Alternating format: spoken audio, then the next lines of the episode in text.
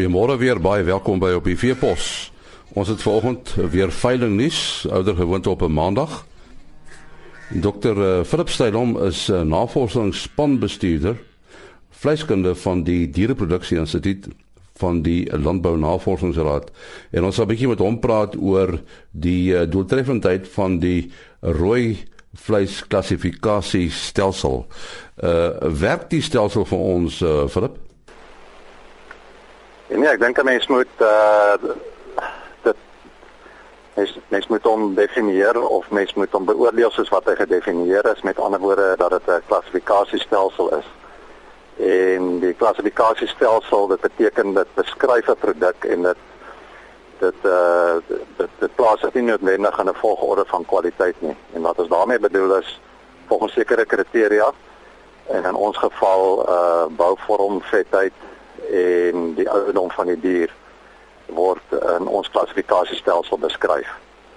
Uh mens kan dan gaan redeneer as jy by ouderdom begin, mag jy dalk gaan redeneer en sê maar uh, is is die die manier waarop ons ouderdom ehm um, skat van die dier want uit die aard van die saak is dit nie die die, die okay of die bepaalde ouderdom nie, ons doen dit deur middel van permanente snytande of dit die mees akkurate manier is en of dit verwant is aan sekere kwaliteitseienskappe. Dus daar daar's baie argumente daarvoor en daarteë, maar as jy mense dit moet vergelyk met ander uh kriteria wat in daai verband soos die ossifikasie wat deur die Australiërs in in in die ehm in die USDA gebruik word. Uh soos ek sê dan is daar baie debat, debatte daaroor dat dit beter of nie nie so goed is ensovoorts, maar ek dink vir ons doel uh bepaal dit of dit beskryf 'n dier van 'n sekere ouderdom uh in in 'n redelike in 'n redelike aanvaarbare ehm um, manier. Die die volgende faktor is natuurlik dan die vetheid van die van die dier en dit doen ons deur uh, visuele beoordeling van die karkas.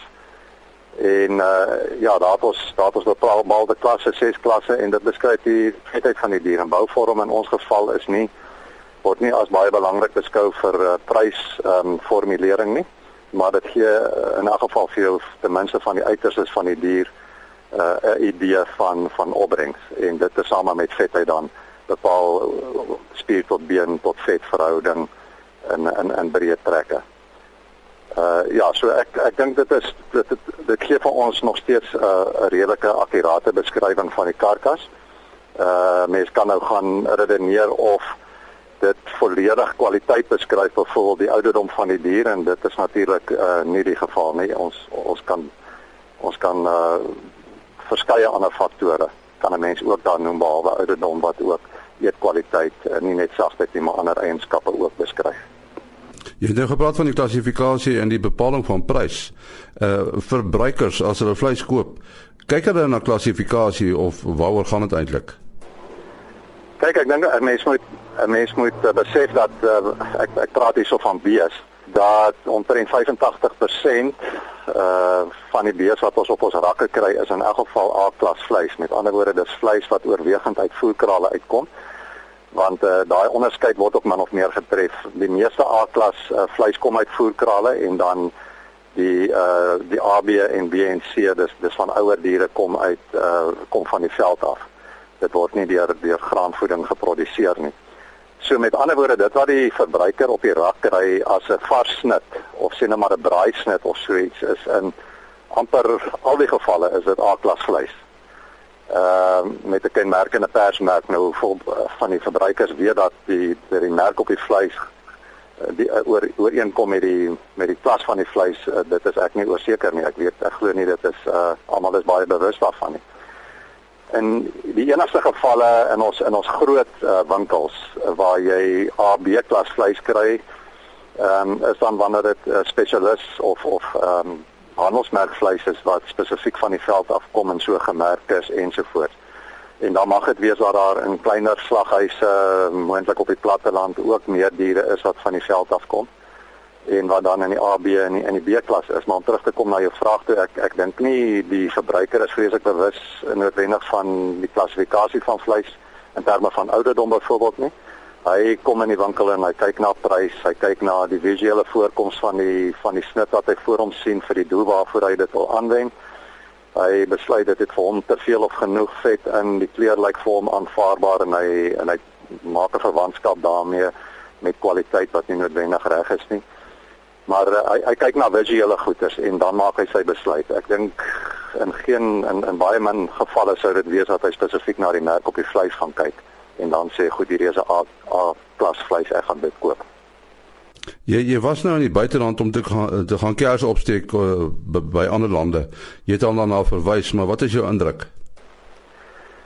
Ek dink om om dit kort saam te vat, as 'n mens na natuurlik in die meeste ander lande het nie klassifikasiestelsels nie, hulle het graderingsstelsels. Met ander woorde, dit dit gaan daaroor dat hulle uh, 'n spesifieke kwaliteit aan 'n spesifieke graad koppel. Hulle sal wel sê dat jou jou A graad is 'n beter kwaliteit as B of iets in daardie lyn. En en in in hierdie geval kry mens dan 'n USDA stelsel wat natuurlik 'n heeltemal 'n ander tipe produk beskryf as ons omdat die diere ja wat vetter is, hulle hulle lê klem op marmering van die vleis, die vet binne in die in die spier.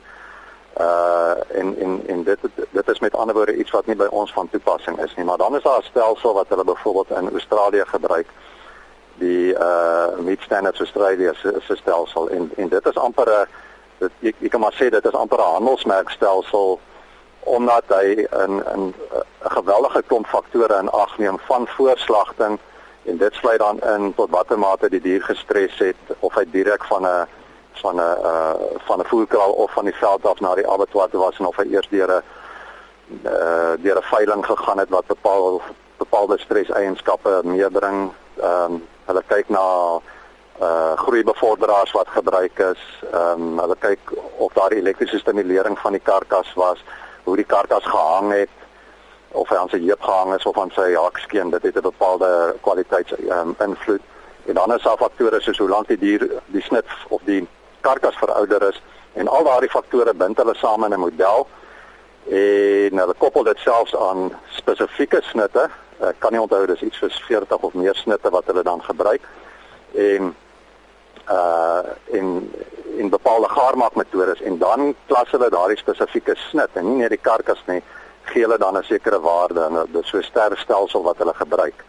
Waar 'n 3 uit 5 sterre dan beteken dit is goed genoeg vir alledaagse gebruik, 'n 4 is beter as alledaagse gebruik en 'n 5 sou dan sal mens maar sê jou restaurant uh, kwaliteit wees. Uh so maar hulle hulle, hulle het in hierdie geval dan baie meer faktore in ag geneem uh wat gekontroleer was en volgens dit kan hulle dan met redelike sekerheid sê die die kwaliteit finale eetkwaliteit gaan uh wees soos wat hulle dit dan voorstel het wat nie in geval in 'n klassifikasiestelsel is nie.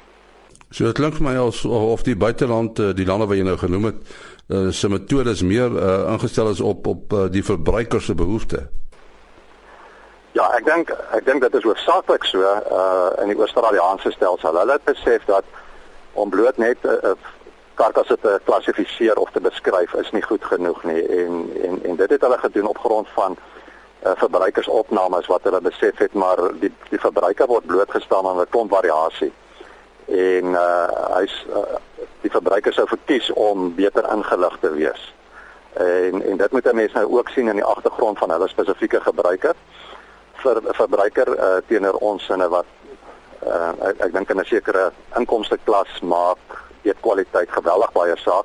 En jou baie lae inkomste klas gaan dit bloot net om vleis op die tafel te hê maar nietemin uh ja, ek dink hulle het hulle afgeslaan daarop dat die verbruiker graag minder variasie wil hê en ek dink tot 'n groot mate uh, raak dit al hoe meer by in ons verbruikerstelsel ook so soos wat hulle gesofistikeerd raak.